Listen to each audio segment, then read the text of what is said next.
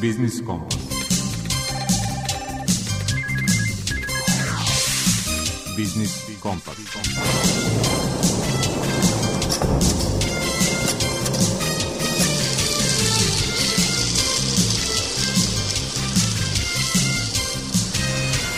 Pred mikrofonom je Đuro Vukilić.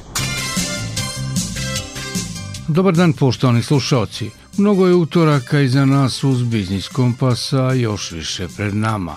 Pred nama je i 50 minuta druženja uz niz, verujemo, zanimljivih tema. Ukratko i sadržaja. U rubrici Aktualno razgovaramo s direktorom poslovnog udruženja drumskog transporta, Panon Transport, Mirkom Vučinićem, o tome koliko poskupljenje goriva utiče na poslovanje prevoznika i možemo li očekivati poskupljenje autobuskih karata. Gost autor rubrike iz mog ugla je direktor Republičkog zavoda za statistiku Miladin Kovačević. Tema je Preti nam inflacija? Kako ohrabriti žene preduzetnice da uplove u biznis vode? Tema je rubrike Svet preduzetništva koju je pripremila koleginica Vesna Balta.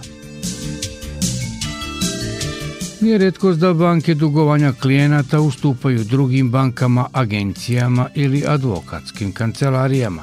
Šta o tome kažu propisi, objasnit će nam u rubrici Predmet financije savjetnica za zaštitu korisnika finansijskih usluga u Narodnoj banci Srbije Jelena Popović.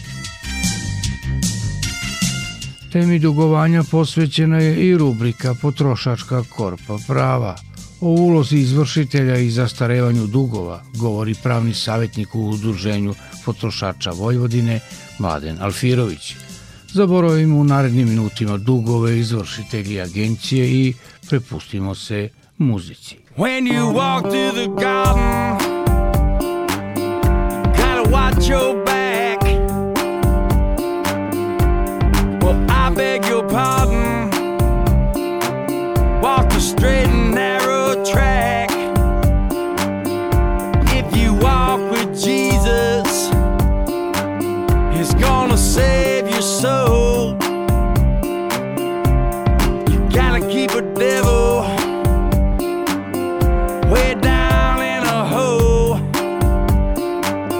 He's got the fire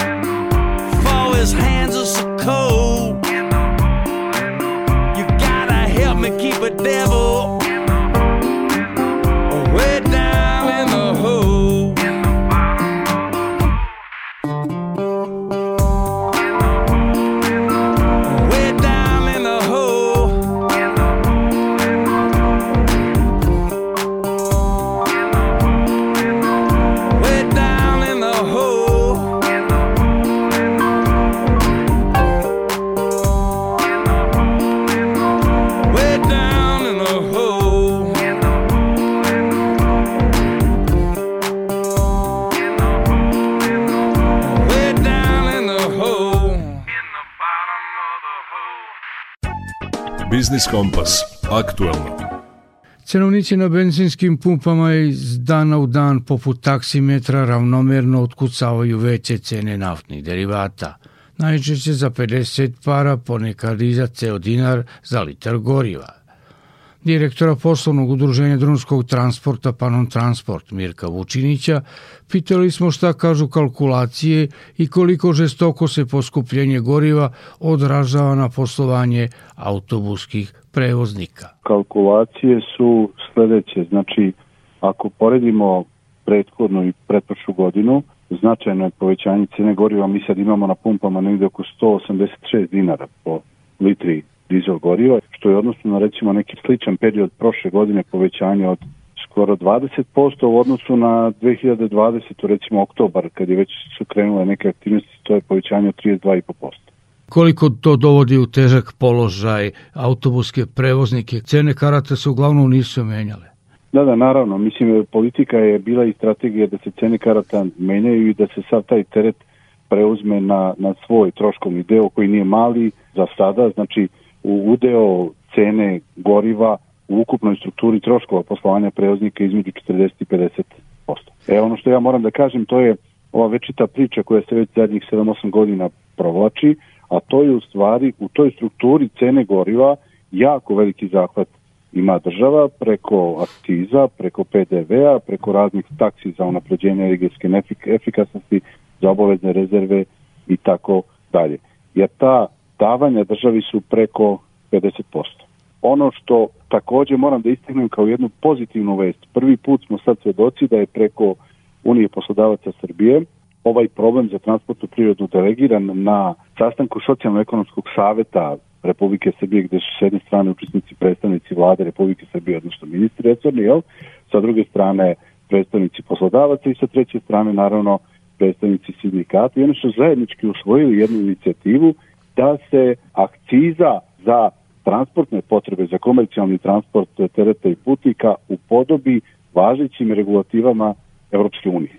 A u Evropskoj uniji imamo regulative koje kažu da iznos akcize na 1000 litara dizel goriva ne bi smeo da bude manji od 330 evra i otprilike ta granica između 330 evra i 400 evra na 1000 litara dizel goriva je praksa u državama Evropske unije, s tim što smo mi u Srbiji već dostigli oko 500 evra, pričamo redu veličina na, na 1000 litara, pa je neki predlog da se za transportne svrhe upravo zato ne samo radi samih prevoznika, nego i radi krajnjih korisnika, počeo od putnika koji osjećaju uvek efekat naravno povećanja cena goriva pa preko svih ostalih koji koriste usluge transportne privrede, to je faktički cijela privreda bila se radi o prevozu tereta ili prevozu putnika, da nemaju efekte negativne na svoje poslovanje. Ako se država ogluši, dakle ako ovako stanje potraje, da li je neminovno poskupljenje karata u autobuskom prevozu?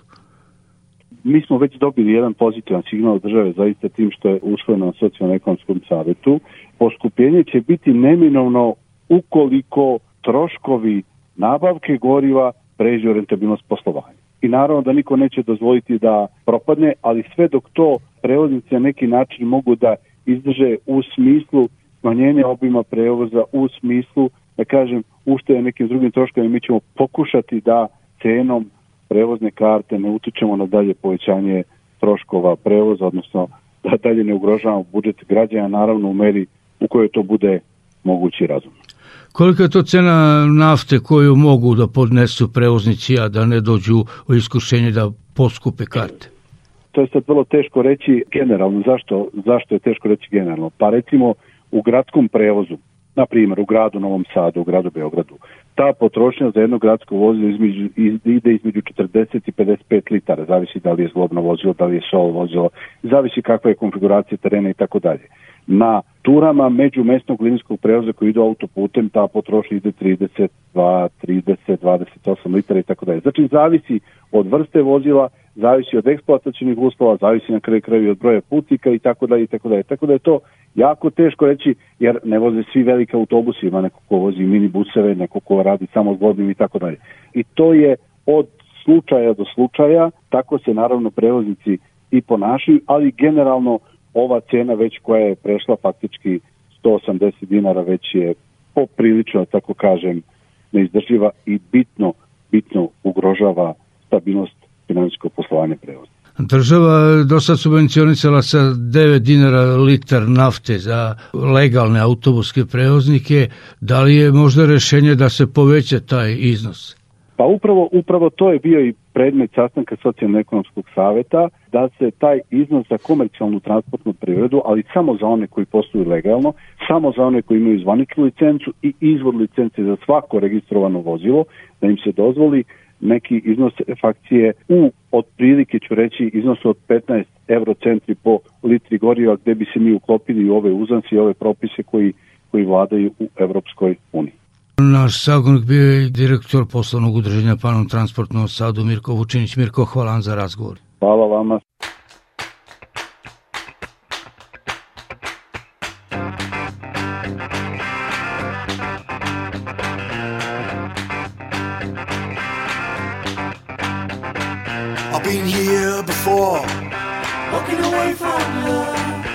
I kicked right through the door, walking away from love. I couldn't take no for the answer, walking away from love. I used to be a really good dancer, walking away from love.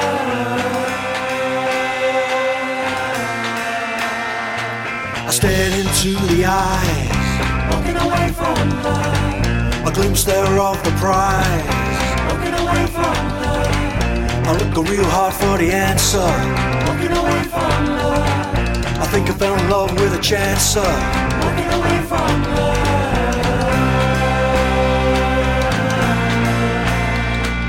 What you gonna do in your hideaway? What you gonna do in your hideaway from your love? What you gonna do in your hideaway? What you gonna do in your hideaway from your love?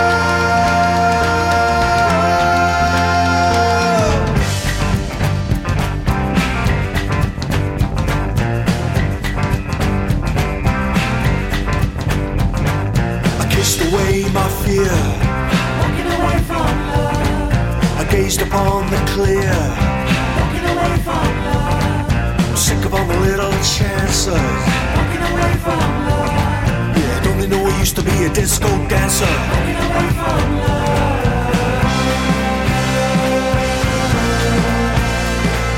What you gonna do in your hideaway? What you gonna do in your hideaway from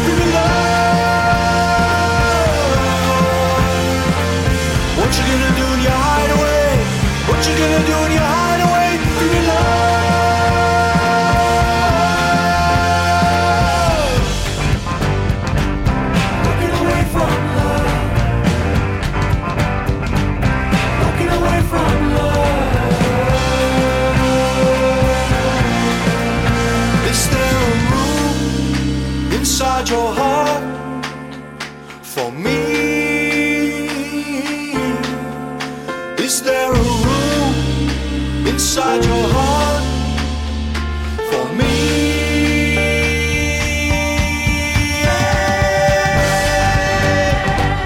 Walking away from love.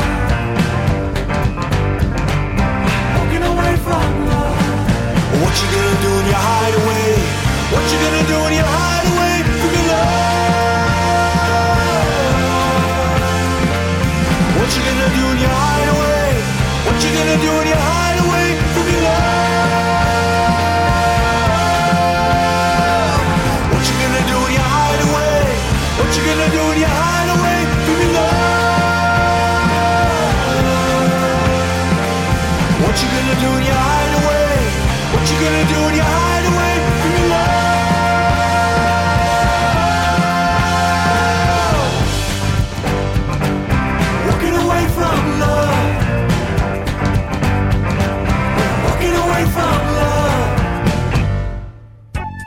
Biznis Kompas iz mog ugla.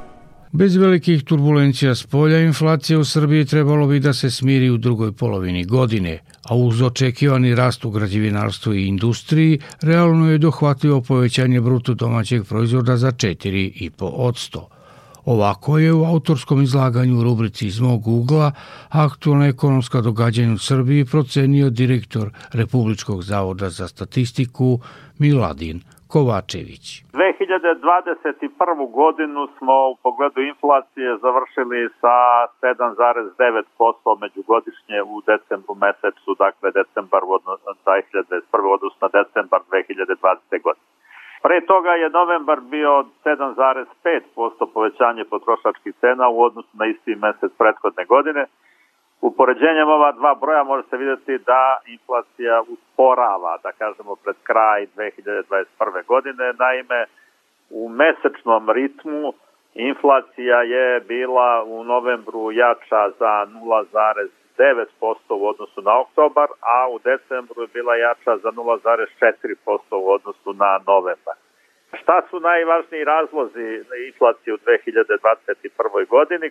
U proseku, da kažemo, inflacija 2021. godine je povećana 4,0%, a ključni faktori povećanja bili su povećanje cena hrane za 4,8%, pa goriva i maziva za automobile 12,5%, pa onda i električne energije za neki 7,9%.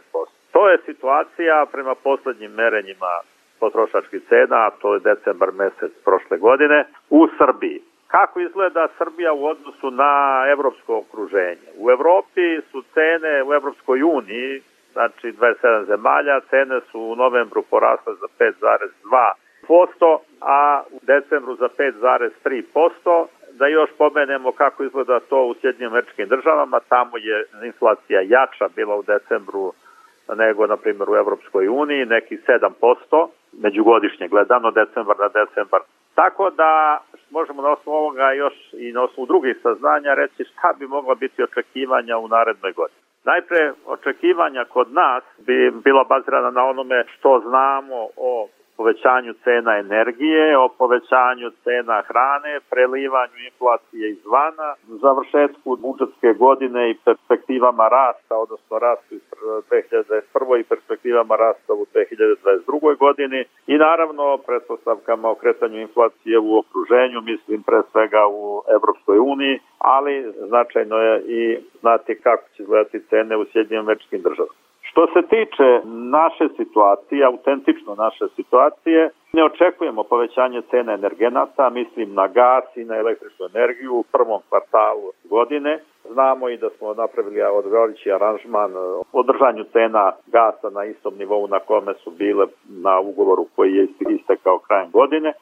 Znamo takođe da se neće cena električne energije podizati bar u prvom kvartalu, vidjet ćemo šta će biti u drugom kvartalu. Što se tiče cena hrane, one će zavisiti i od e, berzanskih cena primarnih proizvoda vani. Tu vidimo na berzama da rastu narešto cene recimo pšenice, kukuruza. Što se tiče cene nafte, vidimo na berzama da ona raste, na primjer Brent tip nafte danas je 2,92,43 dolara po barelu i to raste tako da će biti izvesnog prelivanja ali sve u svemu još uvek smo kod očekivanja da će se cene smirivati od ovog kvartala pa nadalje i da ćemo krajem godine, odnosno u drugom polugođu godine imati inflaciju pod kontrolom u smislu ostajanja cena na istom nivou na kome su recimo zatečene ili na nešto jačem nivou nego što su bile u istom mesecu prethodne godine. Dakle, smirivanje inflacije se očekuje, to očekuje i Narodna banka. Narodna banka je u odnosu na trendove koje smo imali do sada preduzela određene mere od monetarne instrumente. Najpre je aktivirala jedan instrument povlačenja likvidnosti iz finansijskog sektora, iz bankarskog sektora, prestala je da otkupljuje određene papire.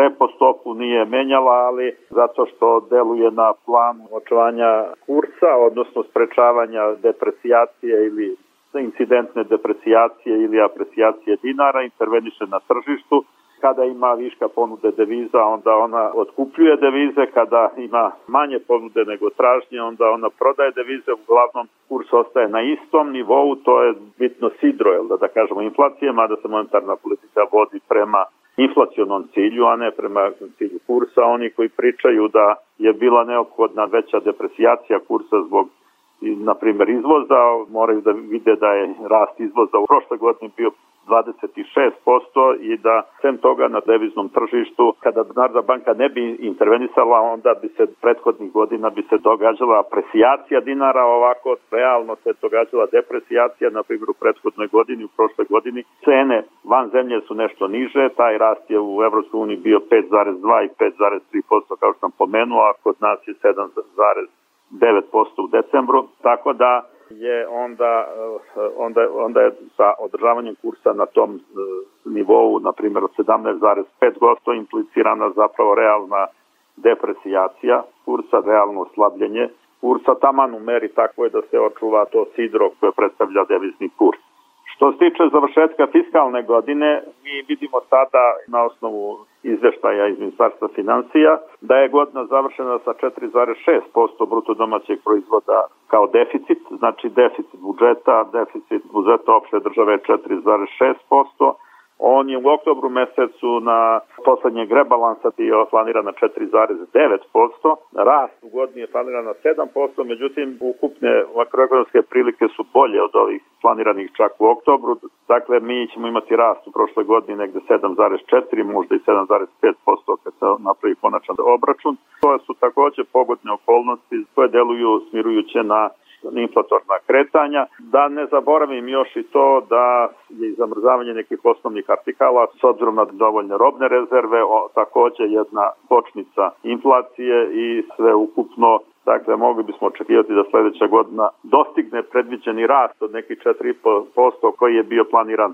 prilikom donošenja budžeta, možda i nešto jače, sad zavisi uglavnom od dve oblasti, jedna je građevinarstvo, druga industrija, i da ćemo imati smirivanje inflacije negde u drugoj polovini godine. Naravno, svi rizici potiču izvana. Ako se ponovo pokrenu turbulencije i sa energentima i sa primarnim proizvodima, hranom, lancima snadbevanja zbog geopolitičkih problema ili sukoba i tako dalje, onda se mogu događati i nepredvidljive stvari.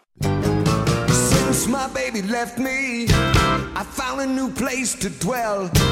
It's down at the end of Lonely Street. It's Heartbreak Hotel, yes. I've been so lonely, baby. I've been so lonely. I've been so lonely, I could die. Oh, it's always crowded. You still can find some room for broken-hearted lovers to cry there in their gloom. I've been so lonely, baby I've been so lonely. I've been so lonely, I could die. The bellhop's tears keep flowing. The desk clerk's dressed in black. They've been so long on Lonely Street, they're never coming back. Yeah, I've been so lonely, baby. I've been so lonely. I've been so lonely, I could die.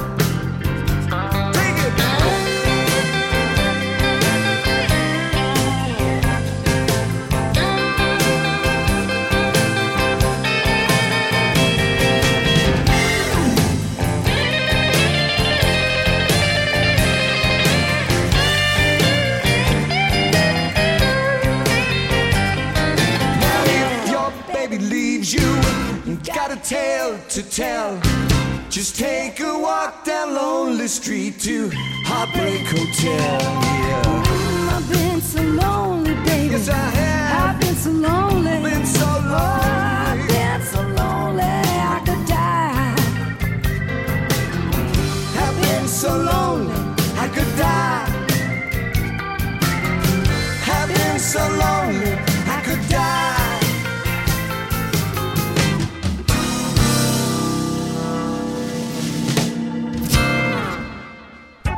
Biznis Kompas. Svet preduzetništva. Radionica posvećena ženskom preduzetništvu okupila je protekle sedmice u rektoratu Univerziteta u Novom Sadu studente i predavače koji su razgovarali o tome kako se ohrabriti i krenuti u preduzetničke vode. Reč je o četvrtoj radionici koja se održava u okviru Interreg IPA programa preko granične saradnje Srbije i Mađarske. Više o tome Vesna Balta. Radionica je deo projekta izgradnja preduzetničkog ekosistema Studensko preduzetništvo preko granica koji sprovode Privredna komora iz Segedina i Tehnološki fakultet u Novom Sadu. Studenti su imali priliku da čuju kako su vlasnice pojedinih firmi počele da se bave preduzetništvom i kakva su njihova iskustva. Prethodne radionice obuhvatile su upoznavanje sa zakonima Evropske unije, deklarisanje prehrambenih proizvoda i zaštitu životne sredine, a pojedinim studentima bilo je omogućeno i da odrade tromesečnu praksu u Mađarskoj. Među njima i studentkinja master studija na Tehnološkom fakultetu Simona Dulović. Iskustvo koje je stekla za vreme boravka u Segedinu je, kako kaže, dragoceno. Praksa se sastojala iz dva dela. Radili smo u kompanijama, u stvari u malim i srednjim preduzećima u Segedinu i išli smo na fakultet da radimo jedan naučni deo.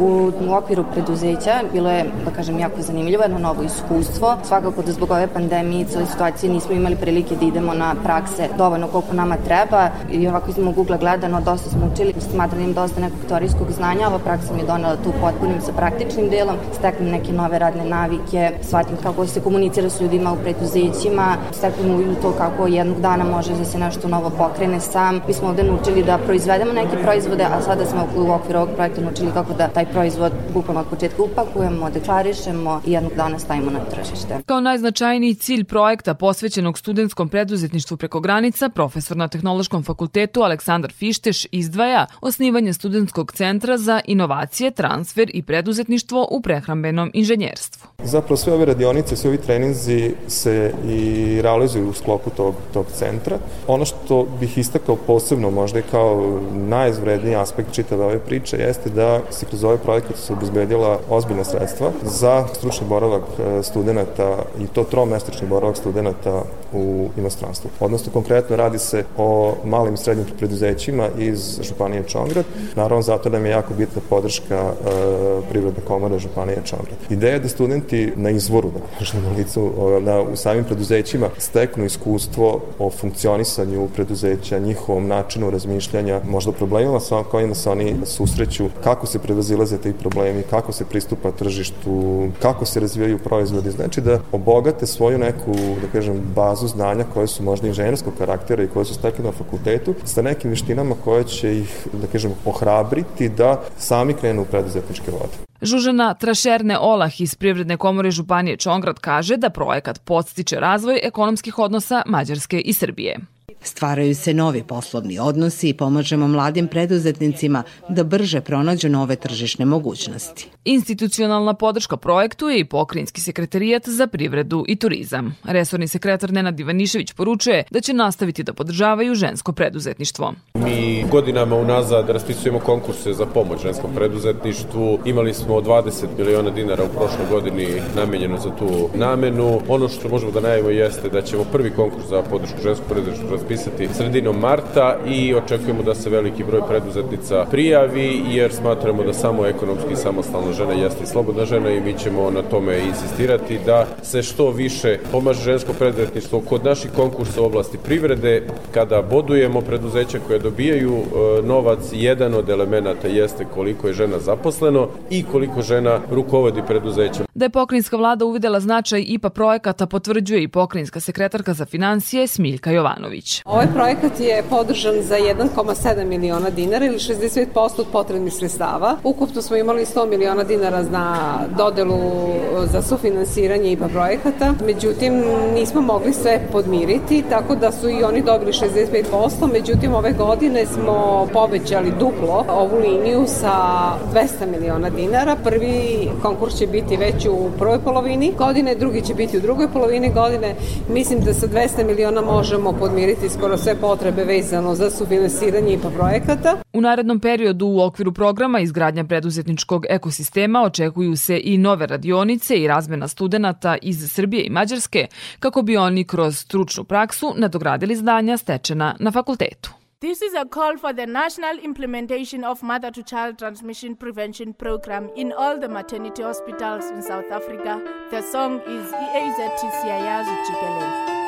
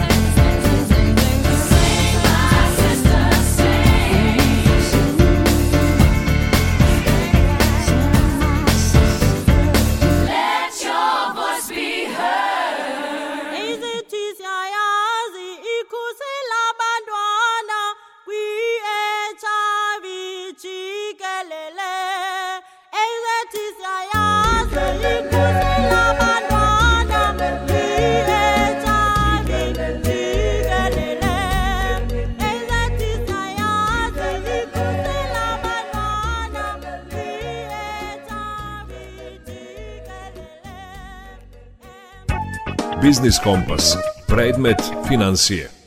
Za dužnike ume da bude neprijatno čak i bolno ustupanje dugovanja prema bankama takozvanim trećim licima, koja mogu da budu treća lica kojima banke ustupaju potraživanja i pod kojim uslovima to mogu da učine. O tome u današnjoj rubrici Predmet financije govori savjetnik za zaštitu korisnika finansijskih usluga u Narodnoj banci Jelena Popović. Pre svega treba napomenuti da korisnik e, potpisivanjem ugovora o kreditu sa bankom preuzima na sebe sva prava i obaveze koja proističu iz tog ugovora, a ugovorom su definisane između ostalog i aktivnosti banke u slučaju docnje. Ukoliko ne izmirujete svoje obaveze po kreditu blagovremeno, banka ima pravo da na dospelo dugovanje obračuna zateznu kamatu, čime će vaš dug biti uvećan, a u slučaju da dugovanje ne bude izmirivano u dužem periodu, banka može celokupan dug po kreditu da proglasi dospelim, da aktivira sredstva obezbeđenja ili da preduzme druge mere kako bi naplatila svoje potraživanje. Naime, saglasno odredbama odluke o upravljanju rizicima, propisana je mogućnost poveravanja pojedinih aktivnosti banke trećim licima i to aktivnosti koje banci omogućavaju obavljanje poslova iz e, zakona o bankama u koje između ostalog spada i poveravanje naplate potraživanja od dužnika banke. Ovde je bitno napomenuti da pre donošenja odluke o svakom pojedinačnom poveravanju aktivnosti, odnosno promeni pružaoca usluga, da je banka dužna da izvrši detaljnu analizu potencijalnog pružaoca usluga koja se odnosi na njegovu sposobnost pružanja usluga, finansijsko stanje, poslovnu reputaciju, a imajući u vidu da navedena treća lica, pružaoci usluga, istupaju u ime i za račun banke koja poverava svoje aktivnosti, odnosno banka odgovara za aktivnosti u vezi sa njenim poslovanjem koje je poverila tom trećem licu. Dakle, nakon zaključenja ugovora o poveravanju usluga, pružalac usluga je dužan da postupa u skladu sa načelom savestnosti i poštenja, što kada je u pitanju poveravanje naplate potraživanja od dužnika podrazumeva korišćenje svih raspoloživih pravnih sredstava u skladu sa zakonom, koja podrazumeva, na primjer, opomenu, predutuženje, pokretanje i vođenje sudskog spora i tako dalje. Ta treća lica kojima banka poverava naplatu potraživanja u njeno ime i za njen račun mogu biti advokati, agencije za naplatu potraživanja i tako dalje. Dakle, advokatske kancelarije. U slučaju poveravanja pružanja platnih usluga, banka je dužna da u svojim poslovnim prostorijama i na svojoj internet prezentaciji objavi podatke o pružalacu usluga i adresi pružanja tih usluga kao i da obezbedi da taj pružalac korisnicima platnih usluga pruža informacije o tome da nastupa u njeno ime i za njen račun. Ukoliko građani dobijaju pretnje od agencije kojima su poverene aktivnosti naplate potraživanja od dužnika banke, što je bio slučaj makar u obraćanjima koje su dostavili Narodne banci Srbije, mi savetujemo da o tome odmah obaveste banku koja je te aktivnosti poverila toj agenciji ili advokatskoj kancelariji. Naravno, klijenti se mogu obratiti i nadležnim državnim organima. Ako u postupku kontrole banka utvrdi da zbog propusta u radu pružaoca usluge ne postupa u skladu sa propisima, Narodna banka Srbije može da naloži banci da raskine takav ugovor o poveravanju aktivnosti zaključenim sa tim pružocem usluga. Za razliku od poveravanja pojedinih aktivnosti banke trećim licima, banka ima mogućnosti da ustupi svoje potraživanje drugoj banci kad su u pitanju fizička lica, odnosno drugoj banci ili drugom pravnom licu kad su u pitanju poljoprivrednici, preduzetnici i pravna lica. Naime, zakonom o zaštiti korisnika finansijskih usluga propisano je ustupanje potraživanja od korisnika finansijske usluge i to od fizičkih lica, dok je za ustupanje potraživanja banke prema preduzetnicima i poljoprivrednicima propisano da se primenjuju odredbe propisa kojima se uređuje upravljanje rizicima. Dakle, u odlukom o upravljanju rizicima propisano je da banka može potraživanje od pravnog lica preduzetnika i poljoprivrednika da ustupi drugoj banci. Međutim, radi smanjenja loše aktive banka može da ustupi i drugom pravnom licu sledeća potraživanja i to dospelo potraživanje ili potraživanje koje još nije dospelo, ali se smatra problematičnim u smislu odluke kojom se uređuje klasifikacija bilansne aktive i vanbilansnih stavki banke i klasifikovano je kao problematično na presečni datum klasifikacije koji neposredno prethode dostavljanje obaveštenja kojim je banka dužna da obavesti Narodnu banku Srbije o nameravanom ustupanju najkasnije 30 dana pre zaključenja ugovora o tom ustupanja, naravno uz propisanu dokumentaciju. Još da napomenem i to da je ustupanje potraživanja regulisano i odredbama zakona o obligacijonim odnosima, kojima su propisana prava i obaveze poverioca, dužnika i prijemnika potraživanja, pa je između ostalog propisano da za prenos potraživanja nije potreban pristanak dužnika, ali je ustupilac dužan da obavesti dužnika o izvršenom ustupanju. All the time that we spend together I won't fuss, I won't fight Trying to make you mine You know I'm not that kind Woo! Uh, come on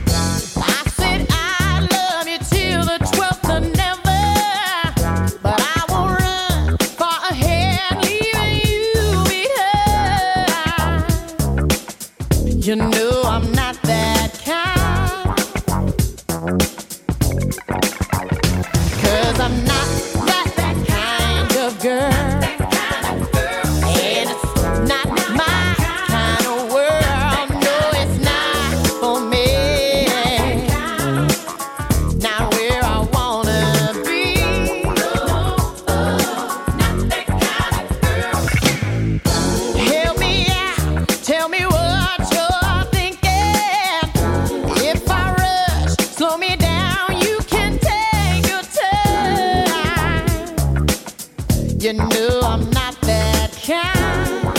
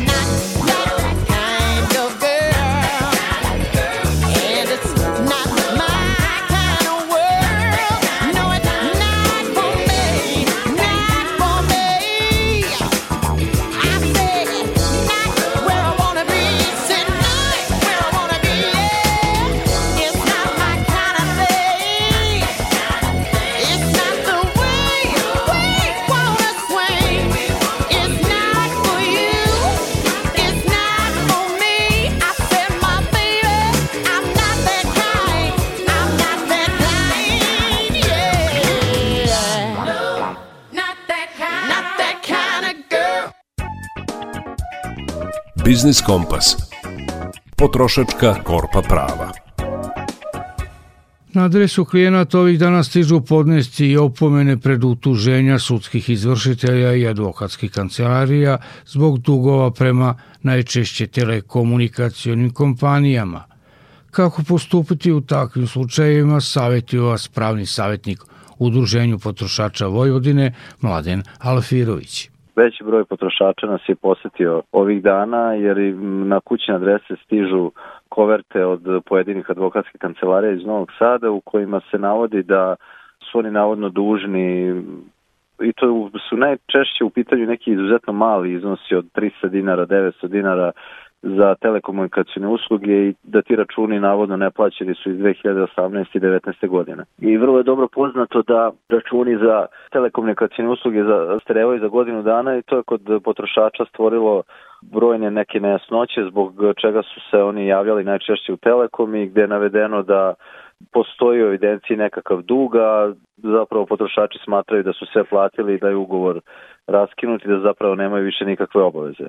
Ono što je jako bitno da se zna jeste da sva potraživanja koje dospevaju u jednakim mesečnim intervalima zastarevaju za godinu dana. Iz advokatske kancelarije e, su pokušali da potrošačima predstave neko potpuno paušalno i netačno pravno tumačenje u kom se navodi da je reč o nekim neimenovanim ugovorima, da to nije isto kao potraživanje za telefon, da se tu nude nekakvi paketi usluga, da internet, mobilna telefonija i televizija nisu isto što i telefon i na taj način zapravo potrošači se dovode u zabludu da je taj dug e, nije zastareo, da je opšti rok zastare 10 godina, da oni to moraju da plate.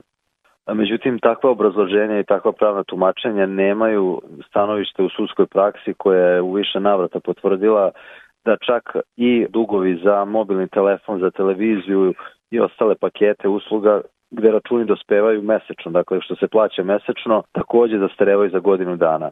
To ne znači da je dug nestao. Kad prođe ti godinu dana, on i dalje postoji, međutim ne može prinudno da se naplati putem javnog izvršitelja. I ono što je bitno jeste da kad god neki potrošač dobije rešenje o izvršenju ili bilo kakav podnesak od izvršitelja, neophodno je da u roku od 8 dana uloži prigovor i da se pozove na zastaru i da navede da je prosto, ako dug datira iz nekog prethodnog perioda, da je on zastareo. Jer zastara je nešto o čemu odlučuje sud i na šta se potrošač mora pozvati tako što će uložiti prigovor. Dakle, ništa se neće samo od sebe rešiti, ništa se ne, ne rešava automatski. Dakle, vi kao dužnik odnosno potrošač se morate pozvati na, na tu zastaru ako vam stigne neka koverta ili podnesak od uh, advokatske kancelarije ili kancelarije javnog izvršitelja. Tako da je generalno savjet potrošačima da ne izbegavaju prijem bilo kakvih podnesaka, da sve što im stiže od izvršitelja da to otvore, jer ako propuste taj rok od 8 dana, onda kasnije uh, neće moći da se spasu i morat će biti zapravo će biti obavezi da plate možda i neki dug koji nisu trebali da plati, koji je zastareo. Mm, e, tako da je generalno, kao što sam rekao, savjet potrošačima da čitaju sve podneske i da ukoliko imaju bilo kakve nedoumice, kontaktiraju našu organizaciju jer će tu dobiti sve neophodne informacije, savete i pravnu pomoć kako da, da postupe u toj konkretnoj situaciji gdje im nešto nije jasno.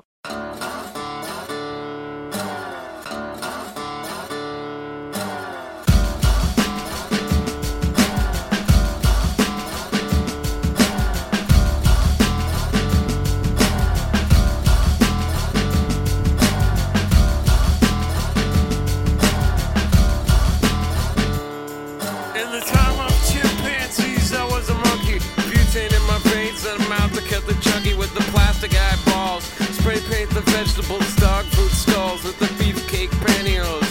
Kill the headlights and put it in neutral. Stock car flaming with the loser and the cruise control. Babies in Reno with the vitamin D.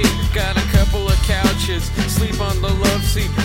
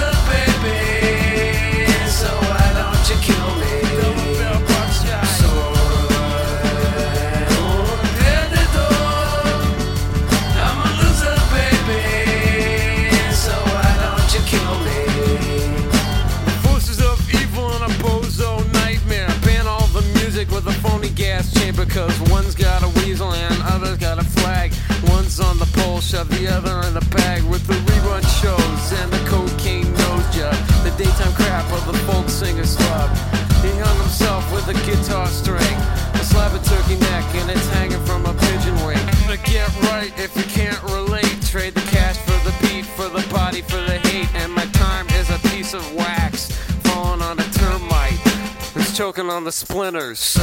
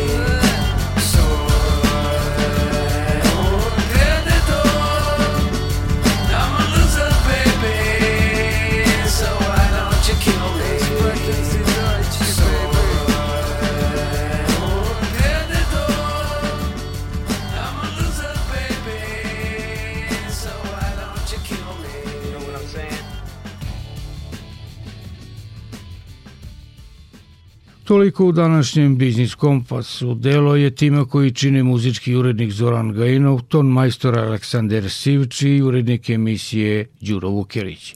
Slušajte nas i naknadno na internet stranici Radio Televizije Vojvodine podcastu Odloženo slušanje. Do sledećeg utorka u isto vreme zdravi bili i čuvajte se.